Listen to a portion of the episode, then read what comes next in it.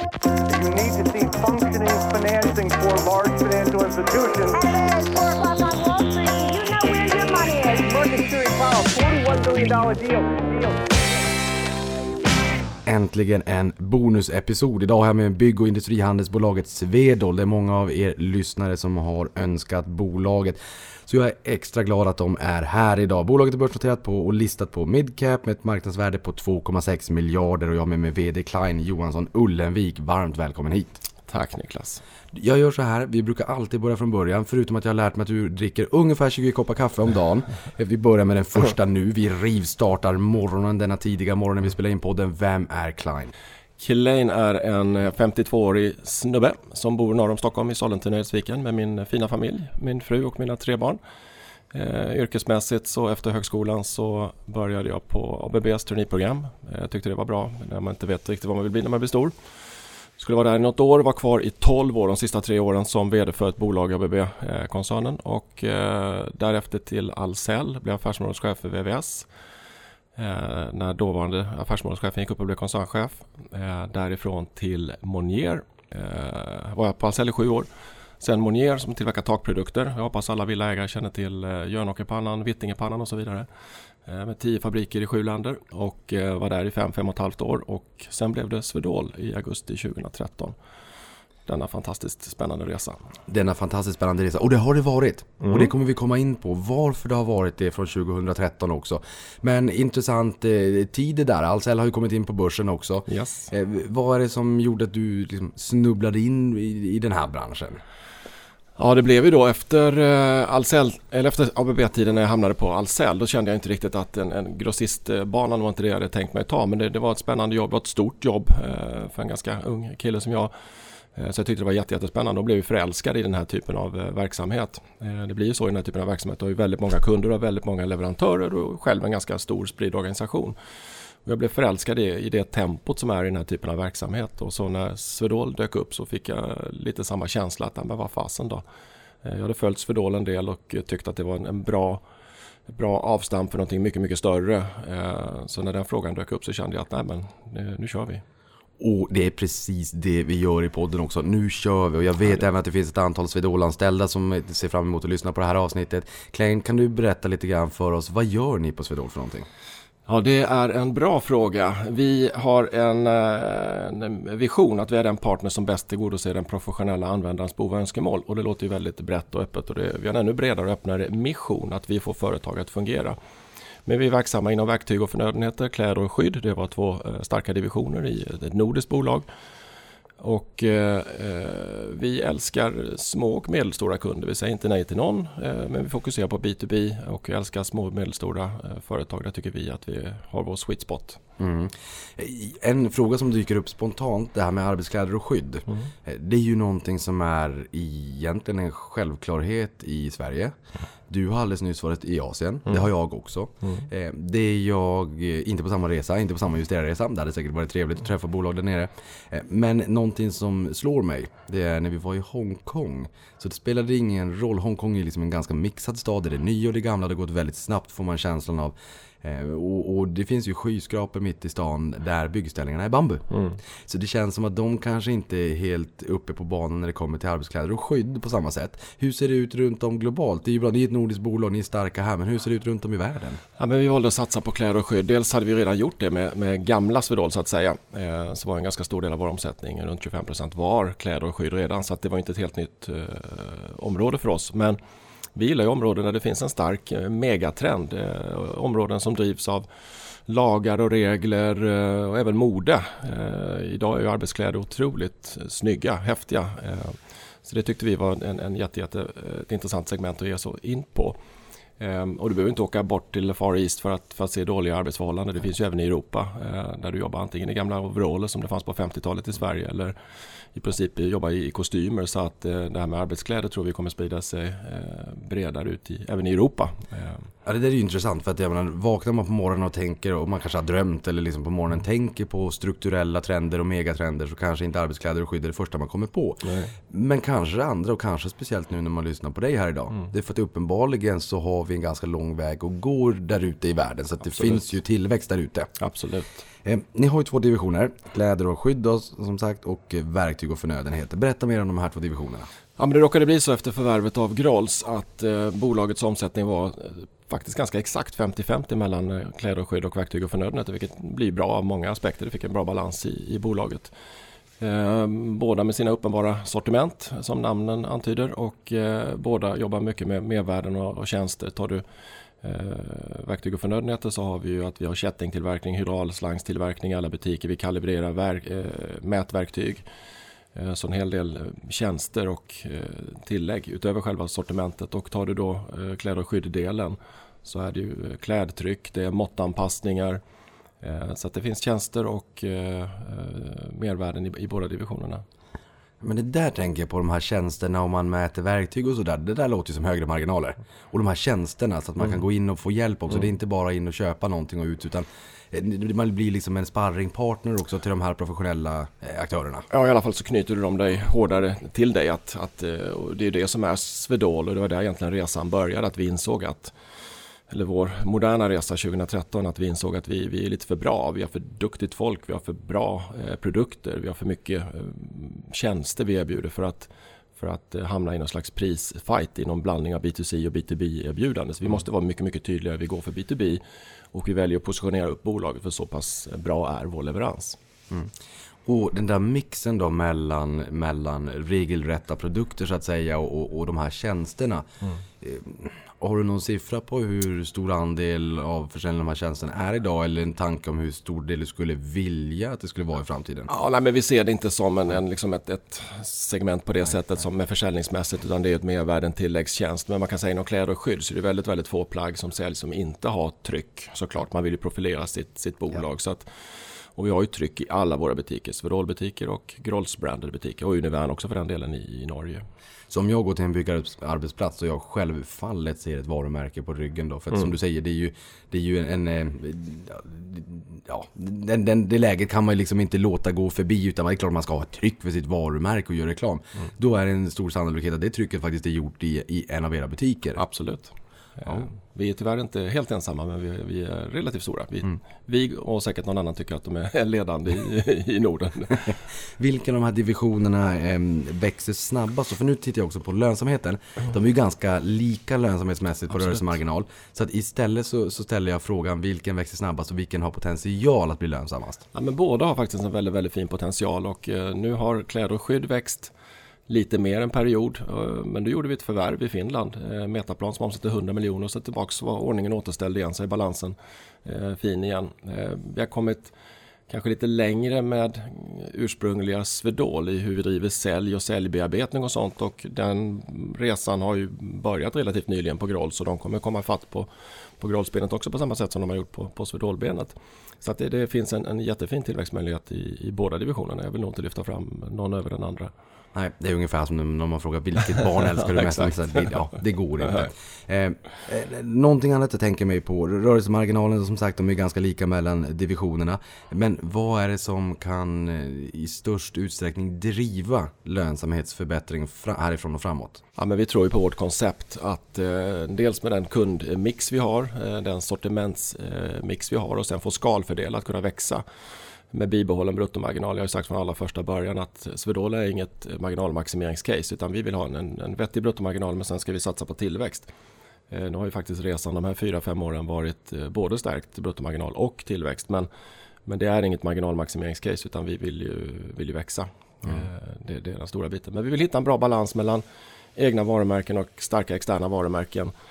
Eh, det är inget självändamål att vi bara ska sälja egna varumärken. Vi vill ha en, en, bra balans ehm, och vi eh, började faktiskt den här resan med eh, Bland de första vi bjöd in var våra, våra viktigaste leverantörer och under devisen att det här går inte utan er. Så med våra leverantörer och våra partners så startade egentligen den här resan att vi redan då beskrev vad vi kommer göra, vilket vi till stor del har gjort. Ehm, under devisen att det här kommer vi inte klara om inte ni är med på båten. Och jag tror att de är väldigt, väldigt lyckliga och nöjda för de har växt kraftigt ihop med oss. Mm. Vi kommer komma in lite grann också på den här produktmixen, egna varumärken, andra varumärken och hur marginalen ser ut och vilka varumärken man behöver för att dra in folk i butiken och sådär. Men jag tänker på försäljningen. Dels så kommer det in folk i butiken. Men sen eh, pratade du ju alldeles nyss här också även i, i er rapportering om den uppsökande verksamheten. Hur, hur approcherar ni kunden eller hur, vart, vilka gemensamma träffytor finns det när kunden kommer in själv och när ni uppsöker? Hur, hur funkar det? Ja, men Swedol fram till 2013, Swedol är grundat eh, 63 och var en postorderverksamhet fram till 99 när den första eh, riktiga butiken öppnade. Det fanns en liten butik i centrallagret, eh, kopplat till centrallagret i, i Tyresö. Men den första externa butiken öppnades 99 i Sollentuna faktiskt. Eh, sen var det ett rasande tempo när man öppnade massa butiker, ett 45-tal eh, till 2010-2011. Eh, men det var ju väldigt mycket en butikskedja. Man hade inget uppsökande sälj överhuvudtaget. Och, och vi som kom ombord då 2013 insåg ju ganska snabbt att framförallt när vi valde att positionera bolaget mer mot B2B eh, så är det ju väldigt, väldigt viktigt med ett uppsökande sälj. Så vi började anställa eh, alltså externa sälj, säljare eh, och satsade på butikskoncept. Så det externa säljet gick ju från noll till ett 50-tal på relativt kort tid och det är en, en orolig tid som många analytiker och aktieägare sa att du kan vara säker på att kostnaderna kommer supersnabbt men det vill ju till att, att du får med dig någorlunda av försäljningen och mm. får med dig marginalen. Men det har ju visat sig att det var ju väldigt lyckosamt så att 2015 sprang vi ur startblocken och fick en fantastiskt fin tillväxt.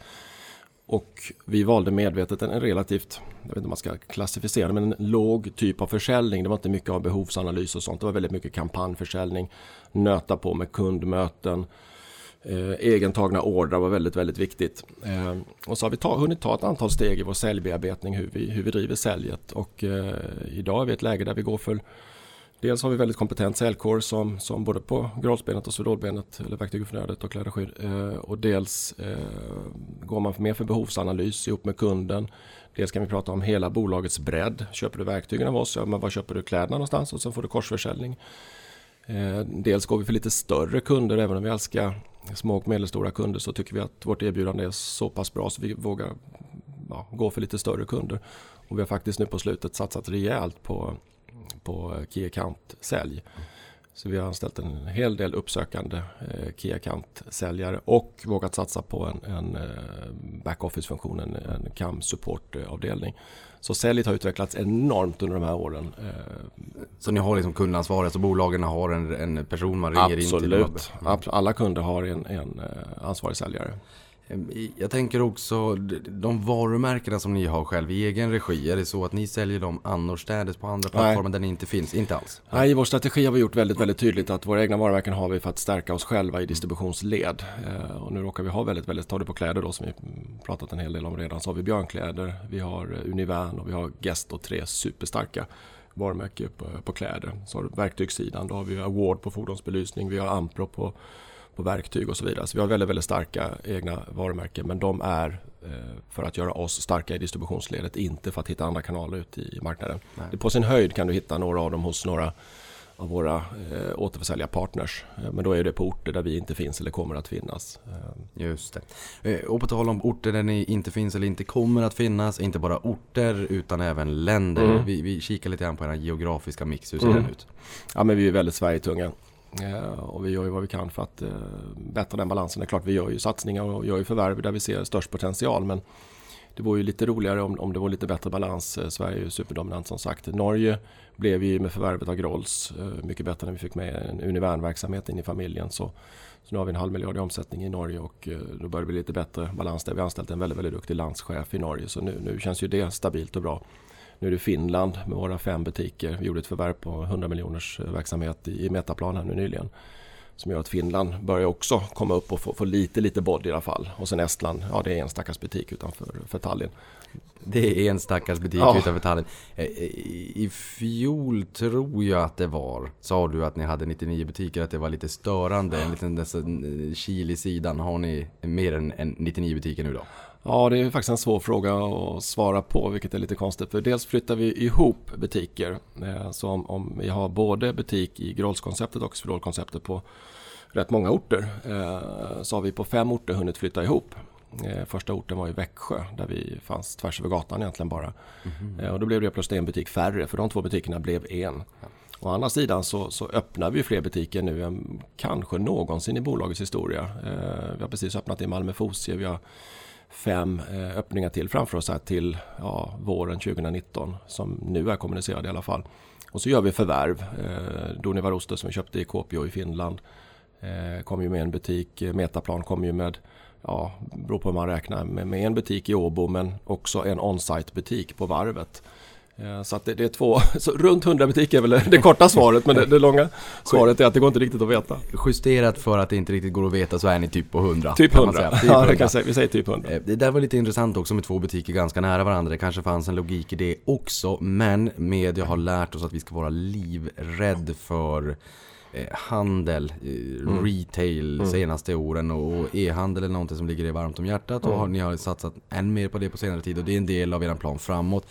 Eh, Är ni mera picky när ni väljer vart ni ska öppna och kanske slå samman? Om det är någon som inte är riktigt lönsam så kan man slå upp två stycken Mm. på samma ort och sådär. Ja, men när det gäller att öppna nytt så är vi väldigt, väldigt eh, försiktiga. Det hade ju bolaget en historia av tidigare där man fick lite hybris på slutet och det var mer mängden butiker spelade roll snarare än vad de låg. Och vi brukar lyfta fram som ett talande exempel på hur, hur eh, dålig eller otydlig strategin var när man började öppna butiker i, i riktiga B2C-områden. Eh, Vi har vårt exempel i Borås där man öppnade mellan Arken Zoo och om det var Jul eller Jysk eller vad det var. Eh, Och det är egentligen inget problem i sig kanske men att du fick inte köra in med tunga fordon på parkeringen. Och våra kunder kommer väldigt ofta i tunga fordon. De kan komma i lastbilar eller hjulburna grävmaskiner och så vidare. Så det var, tycker vi, ett, ett exempel på eh, att strategin inte var speciellt tydlig i alla fall. Nej, det där var intressant. Så vi är väldigt tydliga på eh, vad vi vill med orterna och ha en, en väl etablerad process eh, för vilka orter vi vill vara på och var i de orterna vi vill vara. Och hittar vi inte de lägena så öppnar vi ingenting och nu har vi råkat hitta ett antal och då råkar det bli rätt många butiker på, eh, på ett och samma bräde här. Jag tror att ni har bättre läge uppe i Luleå i Norrbotten. Jag kommer från Boden. Men uppe i Mm. Luleå, där, där kan lastbilarna i alla fall Nej, exakt, där finns plats.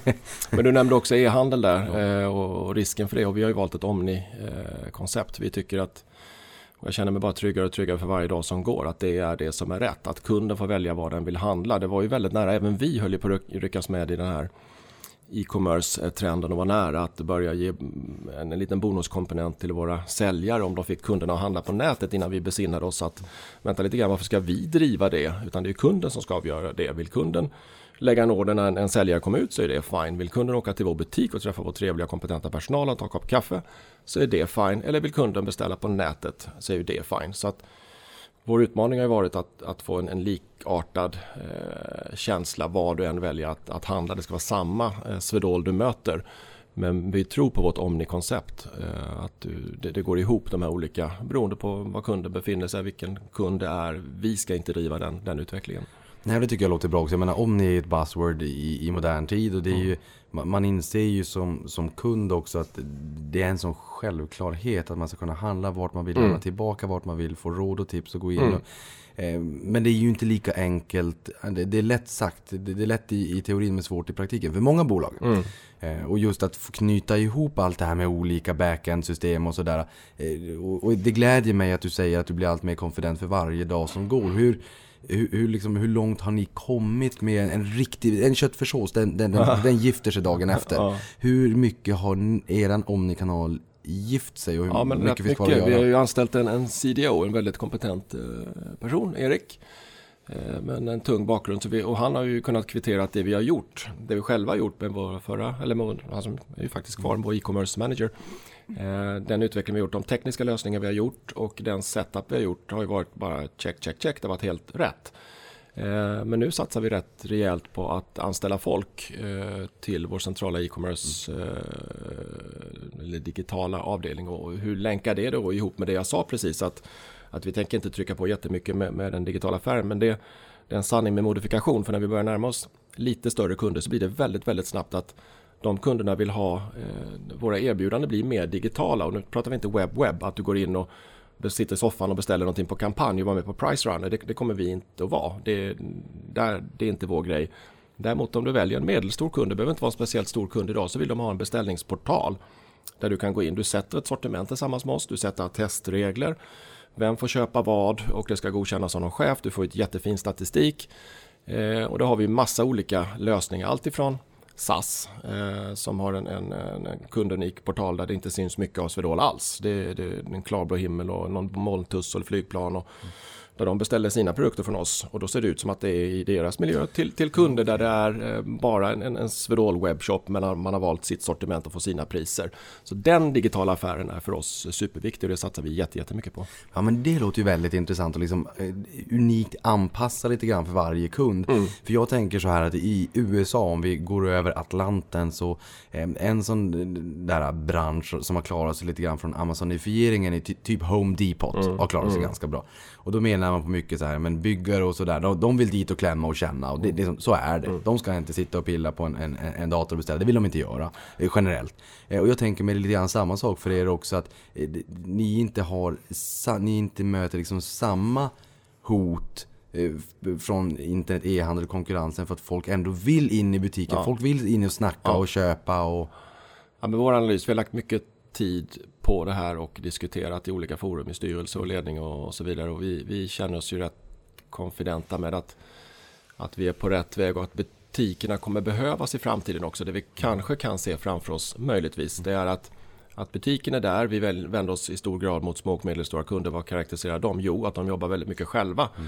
Kanske sitter i en skogsmaskin hela dagen, eller du sitter i en, lastbil hela dagen eller du jobbar relativt själv på ett bygge eller någonting och då, då vill du någon gång under dagen komma och, och träffa folk och då kommer det beteendet att vara kvar under, under lång tid. Sen kanske butikens yta blir mindre framåt men kanske också ett större baklager där man vill ha snabba leveranser snarare lokalt. Det kan ju vara den stora förändringen för butiken. Så vi tror att butikerna kommer behövas men de kanske har en liten annan utformning eh, i framtiden. Men kan man då få den här, jag tänker e-handelsbiten, eller Omnikanalen, lite grann som många andra har nu, click and collect. Man sitter i den där maskinen och sen så Ja. beställer man någonting, sen collectar man det på en timme. Ja. Och inte nog med det, då tar man en kopp kaffe och snackar lite skit också Ja. för att det är roligt. Ja, och det är så där. Och det är så lite häftigt när vi tittar tillbaka på vad vi den nya Swedol som vi utvecklade då hösten 2013. eh, De tankar vi hade då, bortsett från att vi tycker själva att vi var rätt häftiga som sa att vi får företag att fungera. Det är vår mission. Det sätter inte mycket gränser inom någonting egentligen. Och vi utvecklade ett nytt butikskoncept där vi satte fikahörnan som vi säger på svenska. Det satte vi i mitten. Det är en orange kub. Om du går in i en Swedol-butik då är det en orange kub i mitten av butiken. Så vi flyttade fikahörnan in i mitten för det är där kunderna vill träffas. Eh, och vi hade också spånade kring idéer då som många kanske tycker är en häftig nyhet nu. Vi pratade ju om en drive-through-lucka. Att du, du ringer eller via din app beställer dina produkter. Och sen har vi en drive-through-lucka där du får eh, dina produkter levererade ut genom luckan och vi till och med slänger med dig en, en, en kopp kaffe. Eh, För kaffe är viktigt som sagt. Ja men det, det, det gör det där lilla extra kaffet, det är ju inte jättedyrt. Nej. Men det gör det där lilla extra. Jag bara slänger in en liten kuriosa när man beställer lite byggmaterial som, som lekman om man ska renovera hemma. Så ibland när man beställer vad än det kan tänkas vara har jag märkt att vissa bolag skickar med en sån liten godispåse, Haribo eller någonting annat. Jätteliten, kostar inte många kronor för de där skickar och men man kommer ihåg det. Och man blir så glad. Ja, när jag själv beställer någonting och bara att någon som har packat din, ditt paket har skrivit under. Det var jag, Kalle, som packade ditt paket. Så känns det ju mer personligt och eh, känns ju mycket, mycket bättre. Exakt. Ja, det har vi säkert mycket kvar att göra men, men vi var rätt på många puckar, eller de flesta puckarna då redan hösten 2013 faktiskt. Även om vi inte har någon, någon drive-through utan det blir ju i form av click and collect istället. Den här orangea kuben i mitten, de här människorna som vill in och prata, då undrar man ju vad jobbar de med? Och ni har ju fem olika prioriterade kundgrupper, berätta. Ja, vi har ju bygg och anläggning, industri, verkstad, åkeritransport, jord och skogsbruk och sen den offentliga sektorn. Och de fyra första var ju de klassiska segmenten och gällde väldigt bra också när vi tittar på kundmassan som kom i med förvärvet av Grolls. Det, det, Grolls kom med som inte vi hade någonting på av gamla Swedol. Det var det offentliga eh, sidan. Så det är de fem segmenten vi har. Och det, det råkar ju vara att det är samma typ av kunder. Även om vi säger bygg och anläggning så är det väldigt mycket anläggningssida, det vill säga gräv. Det är inte så mycket, eh, vi säljer ju inga insatsvaror till exempel. Så satsar vi mycket på byggsidan, bygg, bygg. Men, men eh, det, det kommer mycket på anläggningssidan. Säger vi industri och verkstad så är det väldigt mycket av, av verkstad i alla fall. Så att det är hela tiden den, den mindre kunden inom varje segment som är, som är vår sweet spot. Även om vi nu utvecklas till att ta större och större kunder. Ja, för här tittar man då på, på era kunder och, och vilka branscher de då återfinns i, då, det du berättade här nu. Så bygg och anläggning är störst med 36% i fjol, så nu har vi snart ett helt nytt år bakom oss. Eh, Och tillsammans med industri och verkstad så utgör de två tillsammans 60% och naturliga frågan är ju självfallet hur konjunkturkänsligt är Swedol? Eh, vi är mer känsliga för den allmänna konjunkturen. Eh, ser vi när vi tittar tillbaka på historisk utveckling och försöker korrelera det till eh, hur konjunkturen har varit. Det är väldigt mycket snack om byggkonjunktur nu och den frågan får jag otroligt ofta. Idag igen. Idag igen, ja exakt. Nej men det är... eh, Eh, Det är klart att i och med att vi inte säljer insatsvaran så påverkas vi inte på samma sätt. Sen kan du alltid resonera om, om nybyggnationen går ner, kompenseras det av, av en renovering och om och tillbyggnadssektor som ökar? Ja, till del. Men vi har ju den, den dels eh, inte så mycket som är av insatsvaror och dels har vi den, den mindre kunden och den mindre kunden har en tendens att kunna eh, fortsatt skapa sysselsättning.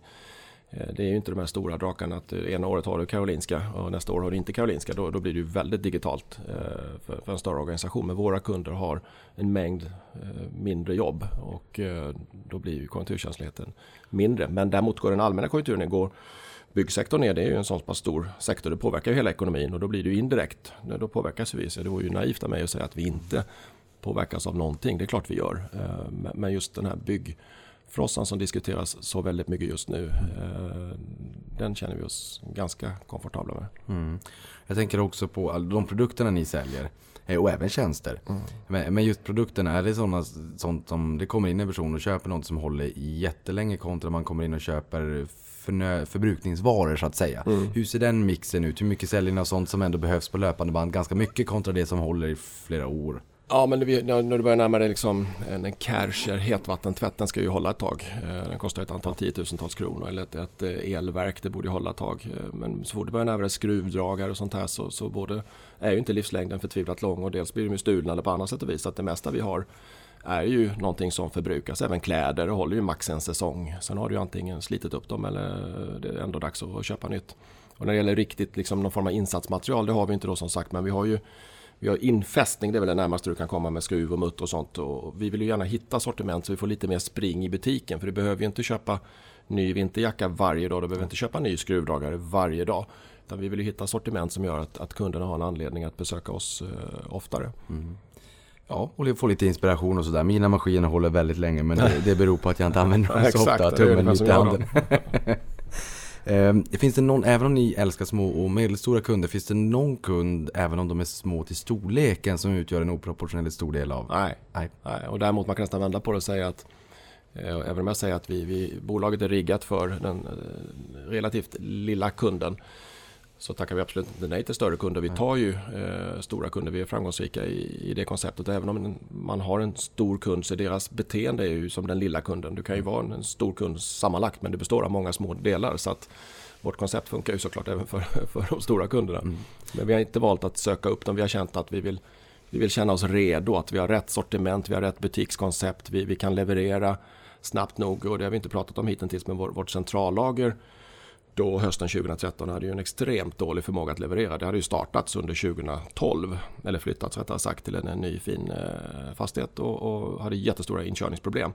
Och då sa vi medvetet att det är ingen idé att trycka på någon säljknapp bara för att göra en massa kunder besvikna och sen ha svårt att komma tillbaka. Utan det är bättre att vi lugnar oss och får ordning på det och det har vi nu sedan många år tillbaka. En, en jättefin eh, logistikapparat som funkar jättebra.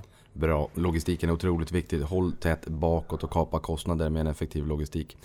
Ehm, någonting annat jag tänker på det är ju hur stor er adresserbara marknad är och hur marknadsandelen ser ut. Hur, stor är marknaden där ute? Ja, den är ju, det, blir ju svårt i ett bolag som vårt att försöka definiera marknaden. Men det är ju något tiotals miljarder i alla fall. Och den är ju, om vi bortser från kläder och skydd så har vi en ganska liten marknadsandel i de flesta områdena. Så att vi känner oss också ganska trygga med att, att eh, vi kan ta andelar även in i en lite tråkigare eh, marknadsmiljö. Eh, så kläder och skydd där har vi ju en, en lite mer dominerande ställning men, men inte inom något annat område direkt. Nej. Som du sa nyss här också, Sverige utgör ju en stor del. Mm. Eh, I fjol utgjorde det Sverige 82%. Jag tror den har gått ner lite grann i år. Ja, tack vare Finland och förvärv och lite sådär. Så. Just det, och de förvärven och även en strategi och hur, liksom, vad, vilka förvärv ni går igång på, liksom, trycker på köpknappen och även stark balansräkning som ger er ekonomiska muskler att förvärva. Ni hör att min, min, min röst inte håller, jag har Barry White-röst, ni får stå ut med det, det är inte jag som ska prata, det är Klein. Eh, Sverige utgjorde 82% i fjol, Norge 15, Finland 2, Estland 1. Som sagt, det har varit lite förändringar i år, 2018 då.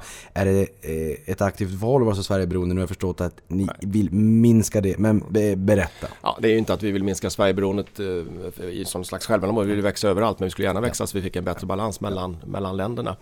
Eh, och när det gäller förvärvsmöjligheter så, så är det både en, en, en välsignelse och förbannelse att det finns så mycket det gör det svårt för att, oss att fokusera för vi har så många vägar framåt som ligger öppna. Vi kan expandera geografiskt vilket är uppenbart eh, när, när de andra länderna är relativt små jämfört med Sverige. Vi kan expandera sortimentsmässigt och vi kan expandera kundsegmentsmässigt och det är ju fantastiskt att det finns så många vägar framåt. Sen kan det ju ställa höga krav på oss då att eh, prioritera mellan de här olika möjligheterna som dyker upp. Men som du säger, balansräkningen är ju är ju stark, över 47% soliditet och en belåningsgrad på under 0,9 så att eh, vi har ju alla möjligheter i världen att, att, trycka på knappen. Och det har vi också kommunicerat en hel del så att det är inga hemligheter att vi vill göra förvärv. Och vi gör dessutom förvärv nu för tiden. Så att eh, Eh, någonting jag inte tänker mig, vi kommer att komma in på förvärven där. Det är, eh, jag älskar den branschen jag jobbar i. Mm. oförtrutet, löjligt mycket faktiskt. Och jag kan tänka mig att de som jobbar i den branschen som utgör era kunder. Mm. då hade jag nog tyckt att det hade varit väldigt intressant också att ha i sådana fall Swedol som lite grann en sparringpartner. Jag förstår exakt vad du menar med att åka in på butiken och ta en kopp kaffe och snacka skit. Jag kommer mm. från min mm. stad. Eh, data är vår tids guld. Mm. Kan ni idag, eller kommer ni i framtiden kunna använda datan, inte på ett dåligt sätt utan för att kunna ge en ännu bättre användarupplevelse till kunden och känna ännu mera som en partner där man känner Absolut. att man också vill komma in där. Absolut. Det är en del av ens vardag. Ja, vi satte ju strategin hösten 2013 och den är egentligen exakt samma strategi som gäller än idag. Men för ett par år sedan så gjorde vi ett tillägg till den att vi la hela strategin på en orange platta i alla fall som vi illustrerade och säger där att vi tillvaratar digitaliseringens möjligheter. Och med det menar vi inte bara webbshop utan vi menar tillvarata digitaliseringen i alla dess former. Eh, HR-processer, ekonomiprocesser, logistikprocesser och så vidare. Men inte minst inom eh, på kundsidan. Så vi har ju en kundklubb som, som har vuxit kraftigt och, och, vi försöker bli mer specifika när det gäller kunderbjudande och så vidare. Och det är för att öka relevansen snarare än att det ska vara storebror och se dig. Så absolut är det super, super spännande. Både hur vi kan styra vår säljkår till och med prick. Eh, för ett säljbesök är ju ganska dyrt. Det är ju ändå någon som ska åka ut ja. och träffa en kund och det tar en stund. Eh, så att eh, mer pricksäkerhet i vår uppsökande sälj men också i mer mekanisk bearbetning i form av digitala utskick och även fysiska utskick. Så det datat är ju superintressant och superviktigt och det, det ingår ju i vår CDOs uppdrag att titta på det också. Mm. Och förutom nu här vi har sagt att Sverige är en stor andel men under senaste kvartalet så öppnade ni er första butik i Norge mm. på sju år. Mm. Men det var också någon flytt och sammanslagning. Berätta. Ja, men Norge när vi eh, började den här omstarten då eh, så fanns det sex butiker i Norge. Vi började titta på dem, vilka hade någon, någon slags ja, livskraft är ett hemskt uttryck men vi borrade ner oss och försökte göra en, en prognos per butik och se vilka som kunde kunna flyga på sikt och vilka som inte kommer kunna flyga. Och då blev det tre, tre, tre stycken som kommer ha en fin framtid och tre som kommer ha en mer utmanande framtid och var den ena av dem bedömde vi kommer vi inte kunna nå break-even under överskådlig tid. Det var butiken i Moss, så den stängde vi. Eh, vilket är väl egentligen den enda butik tror jag som Swedol någonsin har stängt. Eh, annat än i samband med uppflyttningar. Så vi stängde då en så blev det fem Swedol-butiker. Eh, och sen eh, kom ju då förvärvet av Graal så då fick vi in Univern och ett gäng jättefina eh, butiker med, med Univern-förvärvet och nu tittar vi på hur kan vi samarbeta på ett bättre sätt. Dels med korsförsäljning och också ihopflyttning. Och vi har flyttat ihop på två ställen i Sandnes och i Kristiansand. Eh, men där har vi ännu inte samma ERP-system så att därför är de, det blir två olika butiker fast under samma tak. Så de har flyttat ihop, ja, men är de, eh, du måste checka ut på två ställen så att säga. Men nu eh, så ska vi då öppna eh, ytterligare en butik i Norge. Så det, det, är kul att kunna ta ett steg framåt och faktiskt eh, öppna nya butiker. Så både Norge och Finland också för den delen har ju sin strategi att öppna eh, nya butiker såväl som Sverige såklart. Mm. Den där koppen kaffe är lite dyrare i Norge. Ja. Eh, ni har ju haft lite utmanande tider i Norge. Mm. Eh, berätta liksom bara kortfattat för den som inte har hängt med kring det. Varför har det varit utmanande där och vad gör ni för att lösa det? Ja men det är ju någonting som tyvärr skapades då under, det började kanske 10 men under 11, 2011 och 2012 där det fanns en, en liten, ett litet övermod i bolaget och man kom på att man skulle öppna i Norge och fick ju för sig att det är bara att öppna precis som vi har i Sverige.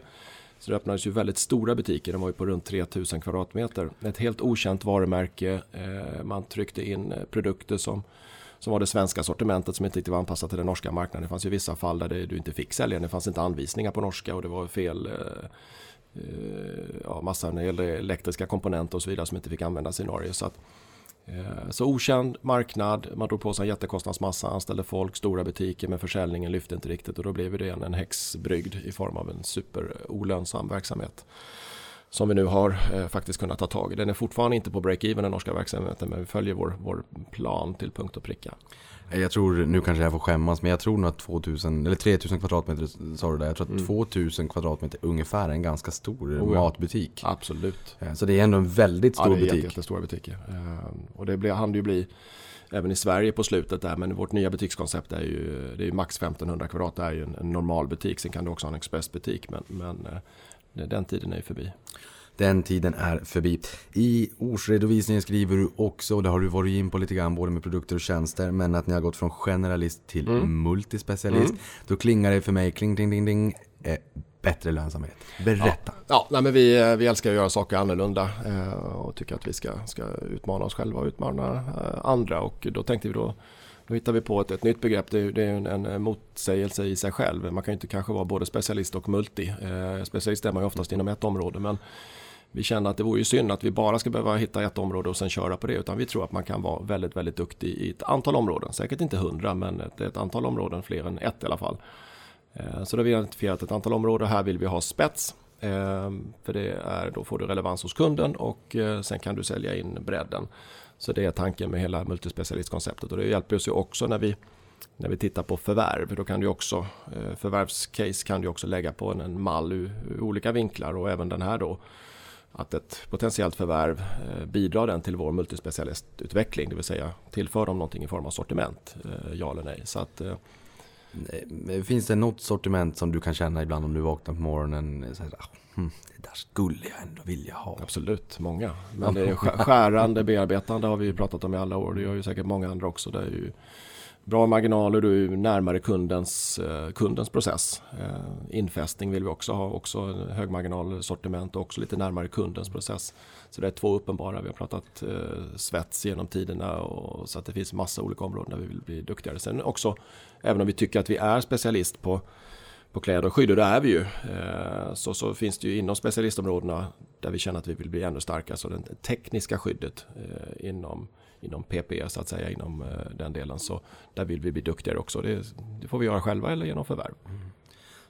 Och det blir intressant här alldeles strax att höra om just förvärvsstrategin och hur ni tänker där också. Det har ju gjorts en del både som du sa Norge och Finland. Ehm, Intäkterna har stigit 22% om året i snitt sedan 2013 och under samma period har rörelseresultatet stigit i snitt 72,7% om Mm. året. Och den tänker man, hur 17 har ni gjort det? Och då har ni ju visat en fin marginalexpansion då från eh, 2,3% rörelsemarginal till 9,2% i fjol då. Vad har varit hemligheten bakom den här marginalexpansionen? Ja, men det är väldigt viktigt, det gäller väl alla organisationer kanske, men, men vi tycker främst oss, eller vår typ av verksamhet, är ju tillväxt. Eh, någorlunda koll på, på eh, handelsmarginalen, men, men sen växa så kraftigt så att du inte ens hinner växa kostnadsmassan i samma tempo. Eh, så att precis som du säger så är bolaget två och en halv gång större idag än vad det var eh, 2013 när vi är 9-10 gånger högre rörelseresultat. Så vi ligger på 9,2. Även hittills i år så har vi stärkt rörelsemarginalen från 7,6 till 8,4 ackat och i Q3 från 10 till 10,6.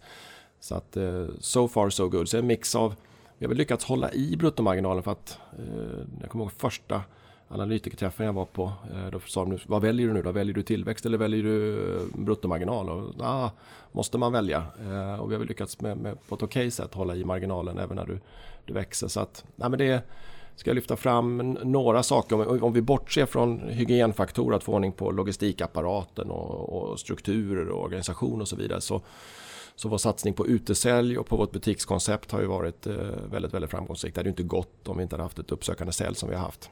Så tillväxten och sen kunna skjuta prick någorlunda vettigt. Det fanns ju knappt någon kundsegmentering då när vi började heller. Nu, då satte vi de här fyra eh, kundsegmenten först som nu blev fem. Och då kan du anpassa erbjudandet eh, till respektive kundsegment. Det var ju som någon sa, vi ska ju inte skicka, erbjuda någon lövblåsa till en som driver rederiverksamhet. Eller liksom, det fanns ju massa dumheter som man höll på med. Utan, utan eh, ett mer skjuta prick erbjudandemässigt och eh, verkligen satsa på det uppsökande säljet. Och vi har lyckats få en fin tillväxt. Men vi går ju runt internt och tycker att vi har ju inte lyckats med någonting. Eh, för vi ser vilken möjlighet som finns och när jag lyssnar på mig själv eller ser intervjuer jag har gjort hur många gånger jag använder ordet potential eller möjligheter så skäms jag nästan lite. Men det är för att det går, vi går runt in, internt själva och känner att men fan, vi har inte lyckats med någonting.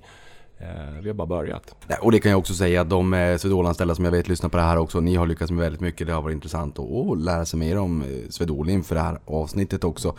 Ehm, och i just lönsamheten, Ja, Nu, nu orkar inte jag säga en tillgång att vi ska, snart ska prata om förvärv, för vi ska snart Okej. prata förvärv. Men jag måste bara fråga nu direkt, marginaler.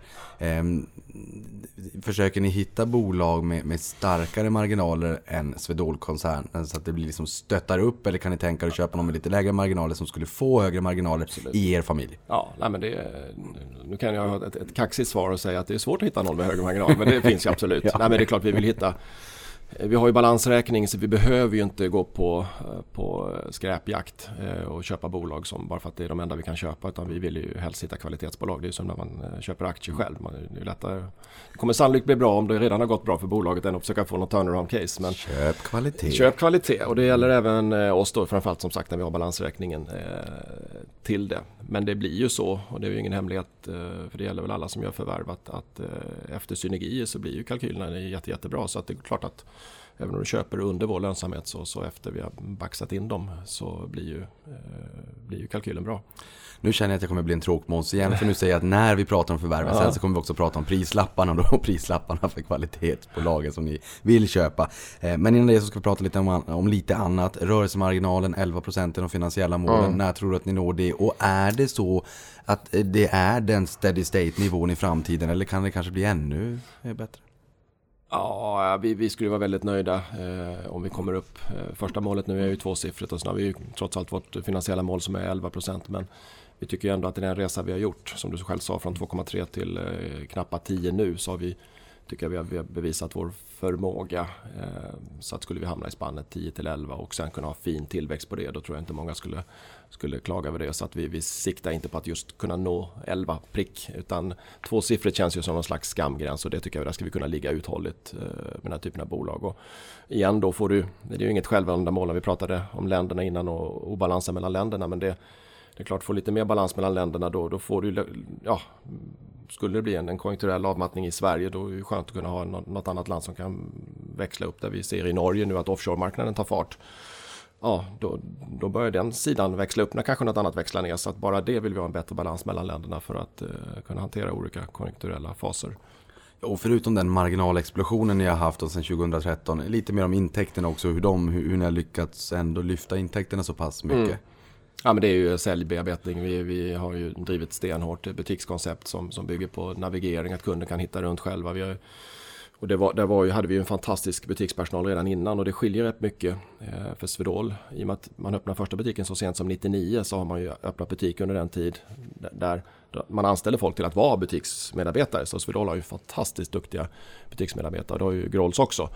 Eh, och som är vårt nya butikskoncept eh, kryddat på det i, i kombination med uppsökande sälj. Och så nu ska vi lägga in växeln med, med gå för större kunder, lägga in växeln när det gäller Key Account-kunder, lägga in växel med ett omnikanal-koncept.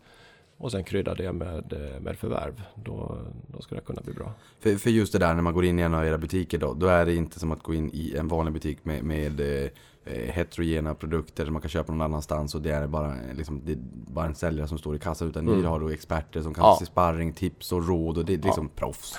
Men där, är, där har vi en fantastiskt fin eh, organisation som, som vet hur man hanterar. Men det är ögonkontakt. Eh, du ska inte behöva ta många steg in i Swedol butik för du har fått ögonkontakt med någon säljare som kommer fram och frågar kan hjälpa till. Och ställer du någon fråga så är det ingen som pekar att det är där borta i hörnet de följer med dig dit. Och de ställer följdfrågor om du vill ja, fråga om något annat. Eh, Så där tror jag faktiskt vi är väldigt, väldigt bra. Det låter bra. Och någonting annat i butiken som finns, det är ju egna varumärken. Eh, ni mixar de egna varumärken tillsammans med externa dito som vi har pratat om här för en stund sedan. Kan du berätta lite mer om, om eh, de egna varumärkena här och hur ni positionerar dem och hur produktmixen ser ut mellan eget och externt Ja. och vikten av externt. Om det ens är viktigt för er att dra in människor med, vi- via externa varumärken som det är för många klädbutiker. Det kanske inte är det. Ni, du men sa nyss att de är starka de varumärkena ni har. och vi vänder oss upp mot proffs och jag tror att vårt koncept skulle bli väldigt urvattnat om, om det var uppenbart att vi bara fanns för att vi skulle kränga våra egna varumärken. Då skulle jag i alla fall som professionell användare säga, men vänta lite grann. Eh, driver ni verksamhet bara för att sälja er, era egna produkter? Utan vi, och som jag sa, hela vårt, eh, vår resa började med att de första vi bjöd in, det var ju våra 15-16 viktigaste leverantörer och bjöd dem med dem på tåget ställer lite krav men erbjuder också massa framtida möjligheter som vi faktiskt också levererat på. Så att det är, våra, våra externa partners är ju super, super viktiga. Och det är inget självändamål att ha en hög andel egna varumärken utan har du en bra lönsamhet och är konkurrenskraftig med, med, ihop med en extern partner så är det ju såklart eh, jättebra och jätteenkelt. Eh, men vi har ju ett antal. Eh, idag är det drygt en tredjedel av bolagets omsättning som är egna varumärken vilket är en väldigt, väldigt bra nivå.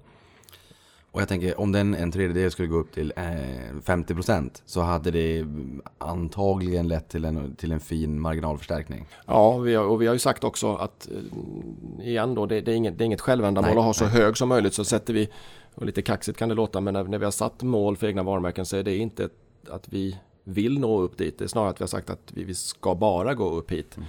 Eh, just för att eh, vid något läge kan ju våra professionella kunder börja säga att nu är det 80% egna varumärken nu, nu.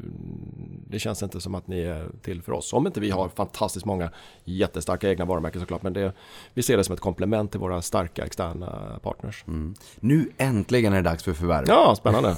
shoot. eh, shoot. Och då kan man ju säga att i, i årsredovisningen i fjol där också skriver ni att marknaden överlag befinner sig i en konsolideringsfas. Mm.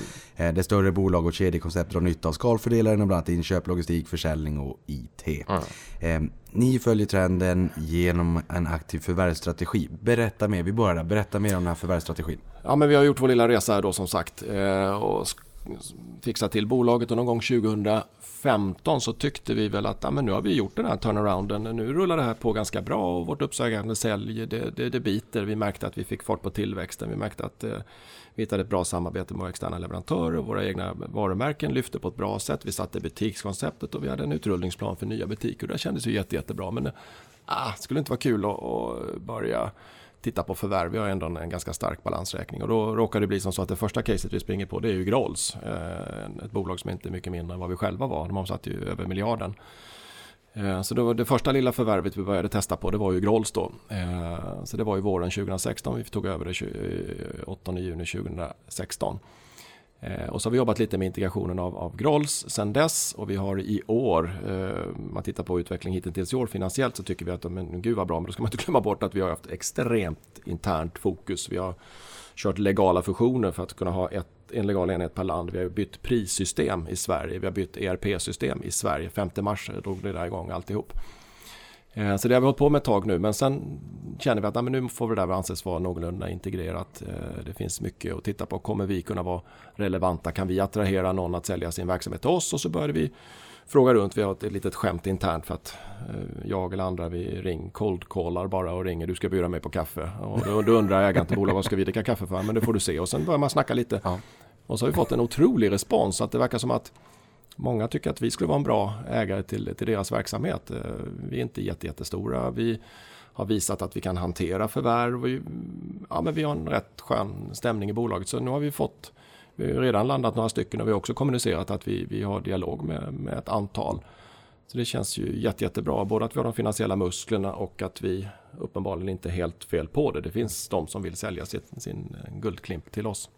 Hur ser det ut då rent investeringsmässigt tänker jag för att det där med digitaliseringen som vi också har pratat mm. om, då tänker väldigt många på capex-cykel och att mm. det, liksom, det blir stora investeringar under tid tills man har kommit över kulmen. Mm. har ni en capex-cykel, alltså en stor puckel framför er? Eller Nej, det enda vi har capex-mässigt är ju att vi kommer bygga ut vårt centrallager. Så det är ju ingenting med det att göra vi pratar om nu egentligen. Det är inte förvärv och det är inte eh, det digitala. Det är klart vi satsar mycket på att anställa folk till det digitala men det är ju inte liksom investering på det sättet. Men, men vi, har, vi kommer ju investera 150 miljoner i ett nytt centrallager, eller nytt, vi kommer bygga ut vårt centrallager i Örebro.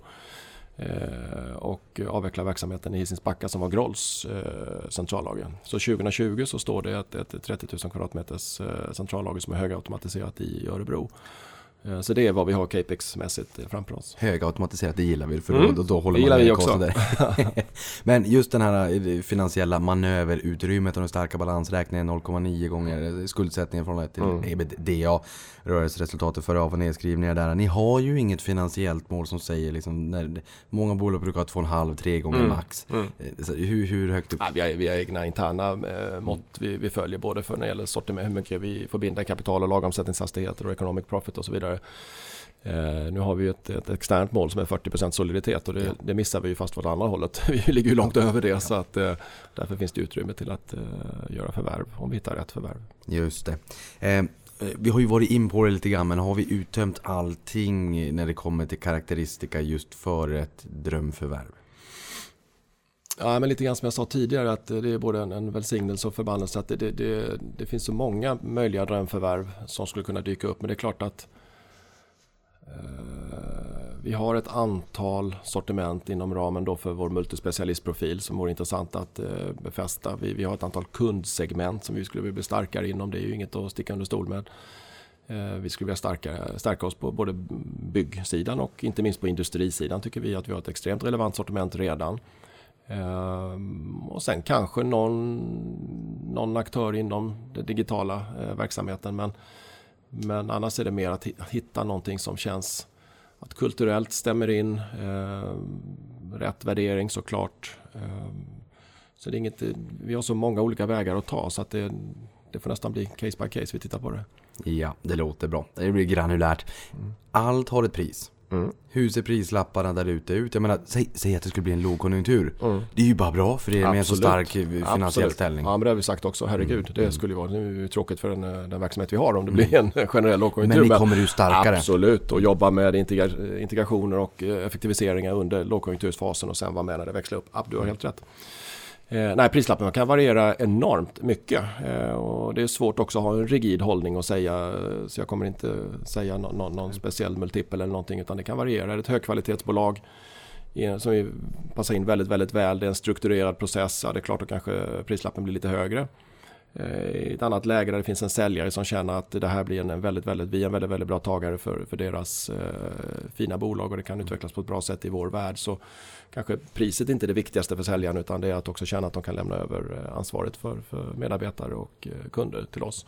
Så det, det, det varierar oerhört mycket och det tror jag är också vägen framåt till att hitta kunna göra bra förvärv. Eh, att vi har en, en väldigt flexibel hållning till, till värderingarna. Men vi betalar ju inte någonsin några överpriser. Då, då tackar vi nej. Vi har klivit av flera processer när vi känner att nu har det varit lite, lite för dyrt. Men, men eh, skulle man kunna säga, kan de förvärven kliva över den värderingen ni själv värderar sig på börsen? Nej, det skulle vi i teorin skulle kunna göra det om, om eh, efter synergimultiplarna är brutala. Då skulle det kunna vara så såklart. Eh, så har det inte varit hittills. Men men ja, jag säger, vi säger ju aldrig, aldrig till något. Eh, vi har ju pratat om Grolls, Norge, men i september så förvärvar ni, eh, ja just det, Duni Varuste. Oj, oj, av deras AB. Jag tycker det är bra för kommer en dålig kvartalsrapport från de där bolagen så är det oj, oj, oj, Oj, oj, oj, oj, oj. Eh, Finland, det är ju ert första förvärv i landet. Ni har funnits i landet sedan tidigare, men det är första förvärvet med det här i landet. Eh, och- dessutom Metaplan, oj. Eh, berätta om de här förvärven. Du var in Ja, på det lite, men berätta lite mer. Ja men det är jättekul. Eh, Vi älskar ju Finland. Eh, Jag har egentligen oavsett var jag varit bara haft en jättefin verksamhet i Finland. Till skillnad från andra länder ibland. Eh, så att det tycker vi känns jättekul. Och tittar du på konjunkturutblicken för Finland så ser den ju inte så nattsvart ut framåt. Eh, men även där som på alla andra ställen så har vi varit väldigt, väldigt eh, försiktiga med vad det är vi vill gå vidare med. Och eh, var det första, en fantastiskt duktig, stark, snabbväxande klädaktör i Kuopio. Det var jättekul att få välkomna in dem i familjen. Metaplan var en strukturerad process där vi nog kanske inte trodde vi skulle kunna landa det men det fanns andra eh, värden i, i processen för, för säljaren som var Bernergruppen som, som gjorde att vi kunde landa det och det är också jättekul. Där fick vi in faktiskt lite kompetens inom, inom infästning. De säljer väldigt mycket till eh, varvsindustrin eh, på orten. Det är ju jättestort i Åbo. Och vi har en, en butik faktiskt inne på varvsområdet och eh, varvet förespås ju växa kraftigt här till 2024. Eh, de ska i princip fördubbla arbetsstyrkan inne på området. Eh, så de är jätteduktiga. Så då blev det ett verktyg och förnödenhetsförvärv i Finland där vi bara funnits med kläder och skydd tidigare. Så det tycker vi är jätte, jättekul. Okej, och butik på området där. Ja. Skulle det teoretiskt sett kunna finnas en möjlighet att ni kommer med såna pop-up stores? Det, Ja. finns, det finns såna här, vad heter de här bilarna som åker runt och sen så kan man köpa hamburgare eller någonting Ja, just annat. det. Food trucks. Eh, food trucks. Kan, kan ni vara en, en utility Ja, men vi är truck? som sagt, vi älskar att göra annorlunda saker och testa och utmana oss själva. Och eh, vi hade ju som sagt den här lilla drive-through-luckan var en tanke. Vi pratar väldigt mycket om on-site lösningar. Vi har vunnit ett antal avtal med olika former av on-site lösningar. Det kan vara godisautomater, det är ju inget nytt. Det har ju funnits i många, många år där du hämtar ut eh, om det är en borr eller handske eller vad det är för någonting i olika godisautomater. Eller till Eh, containrar eh, på byggarbetsplatser till eh, att vi faktiskt etablerar oss på, på kundens arbetsområde. Och det, det hade Metaplan redan en, en jättefin liten verksamhet inne på varvets område vilket är superkul. Ja men det där, är, det där är smart. Det finns många elektronikkedjor, börsnoterade sådana i USA som kör elektronik, alltså allt från 500 kronor upp till flera tusenlappar. Så inte bara liksom, men ändå rätt ja, alla möjliga produkter i, som de körde i den där typen av eh, eh, maskiner. Vending, vending machines. Mm. Exakt, och det är klart att ni också skulle kunna göra det. Spännande. I fjol hade ni ett rörelseresultat på 280,7 miljoner. Eh, I en känslighetsanalys i årsredovisningen skriver ni att plus minus 5% på eh, försäljningen slår 58,4 miljoner. Ni behöver inte komma ihåg siffran som lyssnar men, men det är ändå ganska mycket. Eh, dollarn 27,5 miljoner, euron 13 miljoner, personalkostnader 30,3 miljoner då. Eh, ska vi prata bara lite, lite, lite kort om, om eh, valutarisken i bolaget och hur ni eh, jobbar med den? Nej, men där har vi lyckats nästan lite för bra kan man säga. För vi har ju, vi, dels valutasäkrar vi såklart för att köpa oss tid. Eh, Det räddar ju ingenting över, över tid men det, köper oss tid och vi har varit vi satte ju då eh, våren 2014 en helt ny prissättningsprocess. Eh, att bli duktiga på att sätta priserna sen dessutom lanserade vi ett nytt prissystem eh, nu 2018. Så vi har ju lyckats parera det på ett väldigt, väldigt bra sätt som vår bruttomarginal eh, visar. Så att vi har, vi har lyckats parera eh, de här kraftiga kronförsvagningen som det faktiskt har varit eh, på ett bra sätt genom att kunna höja priserna och kunna utmana leverantörer. Både, både in, alltså egna varumärkesleverantörer och eh, externa leverantörer. Eh, Så att eh, vi har lyckats parera det här på ett bra sätt. Så du hoppas att Stefan Ingves höjer räntan här till 20 december? Och så kronan får lite styrka, exakt. Ja. Eh, Och på tal om det, i senaste rapporten så stärkte ni både bruttomarginalen och rörelsemarginalen och ni pekar samtidigt på att ni har justerat priserna för då, precis som du var in på, att parera högre kostnader för råvaror, fraktkostnader och negativa valutaeffekter, den svaga kronan.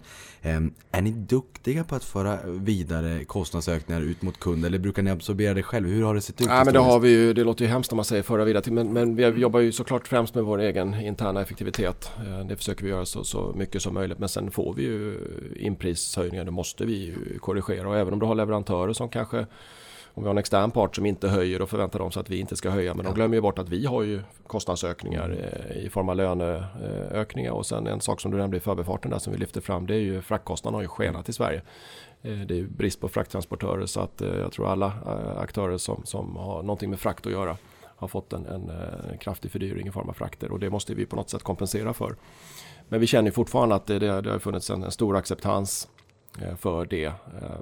Så länge du levererar och är en bra partner som vi har varit som tur är så, så har vi kunnat få igenom det. Men är det e-handelns fel? Jag hörde en podd i USA som sa att det Mm. går sju stycken lastbilsleveranser. eh, Eller det, går, det finns en efterfrågan på sju lastbilsleveranser på varje lastbil som, Mm. som vi kör på vägen. Ja, I Sverige vet jag inte, de är i allmänna konjunkturläget tror jag att det har varit eh, det har varit en hög aktivitet i marknaden och eh, jag pratar med väldigt många i branschen och alla upplever samma sak och vi har försökt göra upphandlingar och alla offerter som kommer in säger de ju det vi har eller högre. Så att, eh, att, att fraktkostnaderna har varit eh, sjukt utmanande. Och sen då vi tar Far East, du har ju också varit där nu nyligen. Eh, Så sjö, sjötransporten har ju också stuckit iväg rejält eh, prismässigt. Och nu kommer det nya bränsleregler här i början på nästa år som gör att de måste bygga om sin, sin fartygsflotta. Eh, Så även den typen av transporter har också ökat så fraktkostnaderna har ökat eh, rejält för oss. Men på finansmarknaden så har, vi lärt oss att eh, man ska kolla på här Baltic Dry Index. Kollar ni någonting på det? Är det relevant alls för er? Nej, Det är bara en utsvävning. Ja, nej, men vi, vi, vi har ju våra eh, nyckeltal som vi kör med Jordis Wilson som vi jobbar väldigt mycket med och försöker titta på eh, vad fraktkostnaden är på, per container och så vidare. I eh, era finansiella mål så säger ni då bland annat att ni ska ha en intäktstillväxt på 15% årligen. Hur ser den mixen ut mellan organisk och, och förvärvad tillväxt? Ja, men vi har ju sagt att eh, vi har ju kommunicerat, inte slagit på stora trumman, men mer för att kunna använda det internt så har vi ju valt att också externt kommunicera att vi siktar på 5 miljarder i omsättning 2020. Eh, och det känner vi att det, det finns ju en möjlighet till det och det är ju en kombination av organisk tillväxt och eh, förvärv. Att kunna hålla 15% årlig tillväxt eh, organiskt över tid är ju helt... Nu är vi inne på Ja. vårt fjärde år med, med kraftig tillväxt och redan efter första året så sa många men nu får det liksom vara nog. Nu, nu kan ni bara räkna med ett par procents tillväxt och vi har fortsatt och nu är vi inne på ett fjärde år. Eh, såklart så kommer vi behöva hjälp av, av förvärv för att kunna nå vårt mål. Det var jätteintressant för att det var faktiskt min nästa fråga. Ja, jag hade fått bra. med den frågan på Mm. Twitter också just där med att eh, där, där sa den här personen att Nordstjärnan då hade satt ett internt mål eller kanske eh, krav så. Mm. Eh, 20, 5 miljarder då 2020 det är ju 63% upp från Mm. 2017 så det är ändå ganska, det, det är en ganska fin eh, Mm. tillväxt får man ju säga. Eh, någonting annat jag tänker bara sp- spontant. Norden starkt, det här är liksom skyddskläder och utrustning och Mm. allt sånt där. Eh, finns det någon ambition, kanske inte nu i närtid, men i framtiden att växa på de marknaderna som där det börjar lättas upp och börjar komma mera byggregler och där de marknaderna börjar vakna till liv och bli intressanta för er? Men tänker du utanför Norden då? Ja. tänker- ja nej, men vi håller oss gärna till, eh, till Nordens skomakare eh, får bli vid sin läst här. För det, Ja. Vi har så mycket att göra och vi har varit ganska brutala i att fokusera på, på det vi håller på med. Som jag sa inledningsvis också där, att, att inte trycka på säljknappen innan vi hade fått ordning på, på logistikapparaten bara för att ha massa eh, irriterade kunder. Så vi, vi är väldigt brutala i vårt fokus på det av- avseendet. Sen, sen testar vi massa grejer såklart. Men, men eh, För du sa nyss här att ni inte var inne i alla länder heller. Och, och då måste jag ju bara, jag måste Mm. bara fråga om Danmark. Mm. Det är väldigt många bolag som säger att det är väldigt svårt att göra affärer Ja. i Danmark. Ja, jag har ju råkat säga det och det finns ju på YouTube att jag är jätteglad att inte vi är i Danmark. Men det, ja, men det är lite speciellt. Det, det finns jättefina bolag i Danmark och vi har tittat på några stycken. Men nej, vi känner ingen större press. Jag, jag tror att nästa land för, för Swedol det blir i samband med att man köper, vi köper något bolag som råkar ha verksamhet i något annat land. Lite grann som vi nu fick Finland och eh, Estland i med Grolls-förvärvet. Jag, jag ser inte framför mig att, att vi säger att nu ska vi in i Danmark, vi ska öppna Greenfield. Eh, Det har många provat och det har inte funkat något bra. Nej. Och tal om press, det är ju en, en fråga jag också har fått med mig. Bänkpress, de vill ju såklart veta vad du tar i bänkpress. En sån här Ja. fråga, jag får den väldigt ofta och då, då ställer jag den. Ja, ja, jag får nog stryka av alla mina barn tror jag. Framförallt de två äldsta. 11-åringen kanske jag spöade. Nej, jag har faktiskt ingen aning. Det var nog, var nog 30 år sedan jag provade. Jag spelade squash för, i förrgår kväll och jag har ont i knät som fasen. Så jag ska nog inte prova en bänkpress för då pajar jag väl både axlar och armar. Nej, det är bra för då du ska fortsätta med värdeskapandet i Swedol. Ja, exakt. Ehm, ni har flera spännande produktlanseringar på gång. Ehm, kan du berätta någonting alls om det? Ja, absolut. Eh, eh, klädsidan då är kanske det där vi har, där har vi ju störst såklart eh, andel av egna varumärken med både med Björnkläder och Univern och med, Gesto. Och då har vi nu ganska nyligen lan- lanserat ett nytt eh, handsksortiment. Eh, som har tagits emot väldigt, väldigt väl. Eh, igen då bra produkter till en, en prisnivå där vi, där vi möter upp marknaden kanske under de absolut starkaste externa varumärkena. Eh, skor lanserar vi också så vi försöker verkligen ta helhetsgrepp på, på eh, arbetskläder och personligt skydd. Eh, med vårt eget varumärke Gesto. Eh, ja, det är väl ingen jättehemlighet men där har vi slutit ett, ett samarbetsavtal med Boa med de här skruvsystemen. Att det har kommit ut i butikerna nu våra egna skor med Boa-system vilket är ju en kvalitetsstämpel till oss som inte höll på med skor för två år sedan och nu har vi Boa-systemet på våra Vad är det för något? Ja, det är som det är väl utvecklat ursprungligen för, för snowboardåkare men, men idag är det ju inom väldigt många applikationer. Det är cykelskor och det kan vara olika typer av sportskor och det är också på, väldigt mycket på arbetsskor. Att istället för snören så har du med, med en vajerlösning och så har du ett litet vred. Ja, men det har jag sett. Ja, okej. så det har vi fått på och det är ju jätte, jättesvårt. Det är lite lika svårt som att få samarbete med, med Gore-Tex. Så har vi lyckats få eh, ihop med, med Boa så det är mycket, mycket större än vad många förstår. Så Boa åker själva just nu runt och, och fimpar partners de har men oss släppte de in i familjen så att det är jättekul.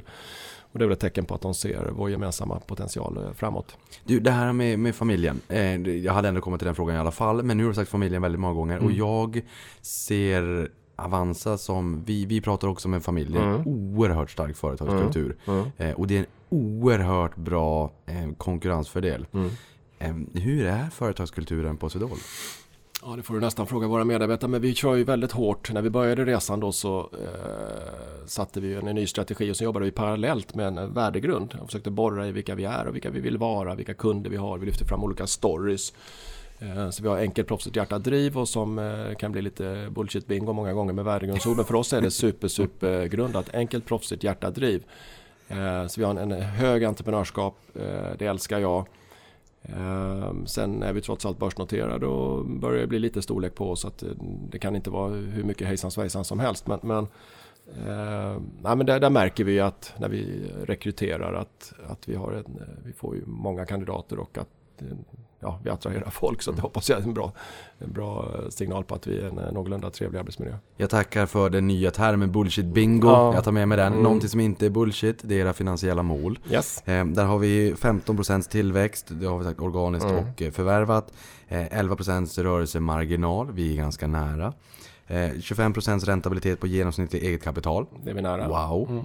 Berätta mer om den. Ja, fast det är också ett konstigt mått egentligen. Ja. Så det skulle jag egentligen vilja titta på på sikt. Så att jag vet inte Ja. om jag ens ska, ska utveckla det. Men vi, vi, vi, vi närmar oss den. Och, Ja.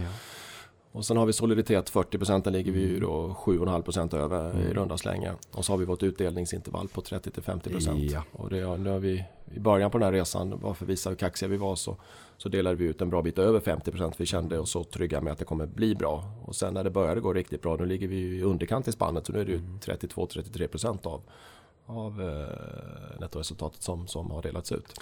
Vilket innebär att då är ni ju inte på sluttampen. Det är ju inte liksom de röda lampor som blinkar heller. Utan då kanske ni också kan bjuda på lite utdelningstillväxt. Att det blir lite löneförhöjning Ja, den har ökat nu varje år här. Nu var det 90 öre senast och det känns ju ändå som en, en eh, och då var vi verkligen i underkant på, på intervallet. Men det bästa vore ju såklart och det tror jag vore bäst för, för alla oss aktieägare att eh, vi satte kapitalet i arbete och hittade bra förvärv och skapade värde på det sättet. Eh, Och med det sagt då, så kanske man förstår att den här utdelningen 30-50% kommer att vara ganska lite om det är en liten andel av resultatet över tid. Så länge ni hittar bra sätt att faktiskt sätta pengarna i arbete. Och då blir ju totalavkastningen bättre. Ja, men då har vi bra kassaflöde så att eh, det finns inga begränsningar på det sättet. Men, men det vore roligast såklart om vi kunde skapa värde genom att nå de här 5 miljarderna i omsättning. Vilka är de viktigaste nyckeltalen för, ja förutom 5 miljarder i omsättning.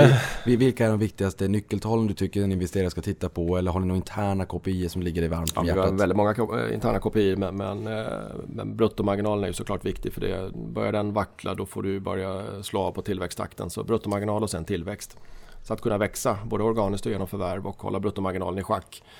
Då, då brukar det kompensera för i värsta fall inte 100% i kostnadskontroll. För då hinner du inte öka kostnaderna i samma tempo. Det är väldigt bra. Ja, det är jätte, jättebra. Jag säger inte att vi är världsmästare Nej. på kostnadskontroll på något sätt. Och vi är ju faktiskt, vad som en liten ursäkt, nu tycker många att det, det ser bra ut. Men, men det har ju varit ett brutalt år, både 17 och 18 med, med det vi gör i form av internt fokus och byter IT-system och vi byter prissystem. Och det är klart att det driver ju kost. Vi är ju långt ifrån något färdigoptimerat eh, bolag och vi måste titta mycket, mycket mer på våra processer. När vi ändå dockar in förvärv så är det klart att vi pratar om vår skalbara plattform.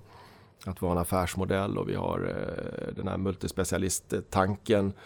Vi har en organisationsstruktur som, som gör att vi kan, kan bygga på det här. Eh, men, men process är en viktig beståndsdel i det också så vi inte häktar på massa bolag här och sen blir det bara kalabalik till slut. Utan vi måste, och det gör vi ju, eh, integrera dem och hitta effektiva processer framåt. Vilka är de vanligaste missuppfattningarna från investerarkollektivet då? Ja, jag tycker vi har väldigt, väldigt bra både eh, större och mindre aktieägare och vi har väldigt, väldigt bra eh, analytiker. Så jag kan inte säga att det är någon större eh, missuppfattning. De är, när jag ser analytikernas estimat på oss då blir jag ju nästan rädd ibland. Att, har vi någon läcka i bolaget? För det, ja, men det, jag kan inte ens tycka att det är någon större missuppfattning. Jag tycker det är en, en, fin syn på bolaget. Bra. Vilka är de vanligaste frågorna då som du får? Ja, men det, var, det är lite kul också från eh, första början, första året. Då ville alla veta, få ut några grejer från centrallaget. Och så bara, när det helt plötsligt blev vi bra. Och idag har vi fantastiska eh, leveransförmågor och eh, KPI som spöar de flesta i marknaden tror jag när det gäller effektivitet och när det gäller leveransprecision och tid. Ja, men nu är det nog förvärv faktiskt har det blivit och det är väl ett bra tecken också på att de tycker att grundbusinessen rullar på. Så förvärv är kanske den, den stora frågan nu. Och återigen vill påminna om att jag tycker att det är bra med, med den ekonomiska och finan, eller ja, snarare finansiella flexibiliteten med den låga skuldsättningen ni har Mm. nu, speciellt om vi går in i en sämre konjunktur då. Eh, följer du pilotskolan? Absolut. Absolut. All, alldeles för mycket jämfört med min eh, förmåga. Det är bra, då Ja. tror du på bolaget. Ja. Ja. det kanske inte är bra, man, får inte, man, man ska inte lägga alla ägg i samma korg. nej, nej, men det har blivit så för min del. Nej, men det är jättekul såklart och jag tycker också att det jag gillar det här PE-tänket, att man är lite riskkapitaltänk och jag skulle vilja att, att, eh, att vi alla i ledningen också känner det. Och det gör man verkligen. Vilka är de största utmaningarna framåt då? Ja, men det, det som jag tycker mycket är på rull. Vi har hittat en, en bra modell för säljstyrning. Eh, vi har en liten annorlunda modell där vi, där vi driver utesäljet separerat från butikerna. De samarbetar ju lokalt såklart. Eh, så en utesäljare i Växjö samarbetar med butiken i Växjö såklart. Men, men de drivs på två, för vi säger att det är två helt olika hantverk. Det är på plats, jag tycker vi har ett snyggt butikskoncept på plats. Vi känner en logistikapparat som funkar bra och eh, nu med en kommunicerad satsning på utbyggnation av centrallaget så så kommer det bli supereffektivt och bra eh, från sommaren 2020. Ehm, processer är nog det vi måste lägga mer tid på här nu för nu har vi vuxit kraftigt, vi har gjort stora förvärv.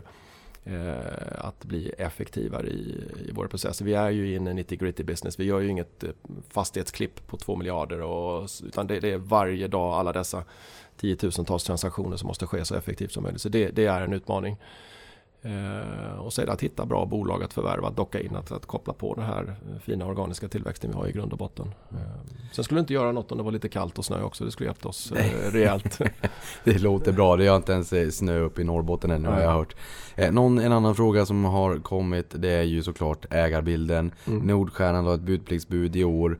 Eh, för mig som lekman kan jag tänka mig att det kanske är ett bud man la för att man inte där och då hade ambition att köpa allting. Jag vet inte. Kan, det är inte din uppgift att kommentera ägarna men kan du säga någonting? Nej men det är upp, de kommunicerar själva, Nordstjärnan, att det är ett budpliktsbud eh, som man gjorde och eh, man la det på samma nivå eh, prismässigt som man, man förvärvar aktierna av Zelda. Så att, nej, vi är jätteglada att ha en stark, finansiellt stark och eh, kompetensmässigt stark eh, huvudägare och det kan jag säga att eh, det hade inte blivit något rollsförvärv med all heder förra eh, huvudägaren som har drivit upp bolaget på ett fantastiskt fint sätt. Men, men en, en sån stor transaktion som att göra ett, ett Grolls-förvärv, ett, ett miljardbolag. Som var i i princip lika stort som mig själv. Ja, det, Mm. det hade vi inte gjort eh, annat än med Nordstjärnans eh, hjälp och mod och ja, vad man ska säga. Så att, eh, nej, men Nordstjärnan är bra för bolaget.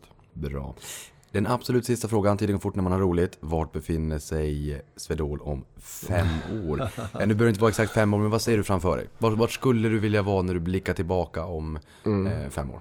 Ja, först har vi vårt eh, 2020-mål så det är vi superfokuserade på. Men då skulle jag vilja ha en, mycket mer välbalanserad verksamhet i de nordiska länderna, gärna mer i Baltikum. Så Finland och Baltikum skulle jag gärna växla upp eh, mycket mer. Ni ökar ju 100% om ni har två butiker. Ja, exakt. Det är bara där. Eh, nej, men det skulle vara mycket, mycket bättre om vi hade en, en nordisk balans. Hade lagt på eh, fler, för vi har ju en skalbar modell som vi pratar om och nu har vi två divisioner. Det är kläder, skydd och verktyg och förnödenhet. Ett, ett annat förvärv av Grolls kaliber så, så kan vi med lätthet lägga på en tredje division och en fjärde division. Så att om fem år hoppas jag vi har fyra divisioner då utan att säga vilka de andra två skulle kunna vara. En mycket större nordisk eh, balans. Och, Ja, når vi 5 miljarder 2020 så varför ska vi inte nå 10 då om fem år? Det kan väl vara en, en, kul målsättning. Eh, Så att, eh, Och, och växer man 15% om året alldeles oavsett om det är organiskt eller eh, via förvärv 15% fördubblar kapitalet eller fördubblar vilken siffra man än räknar på på fem år. Klein, stort tack för att du kom till podden. Det var fantastiskt roligt att få lära sig mer om Swedol. Riktigt stort kul tack. att vi fick till det. Kul, kul att vi fick till det. Vi har ju kohandlat lite grann om datum. Så det är ju riktigt, riktigt trevligt att du är här nu. Och stort tack för dig som har lyssnat på det här också.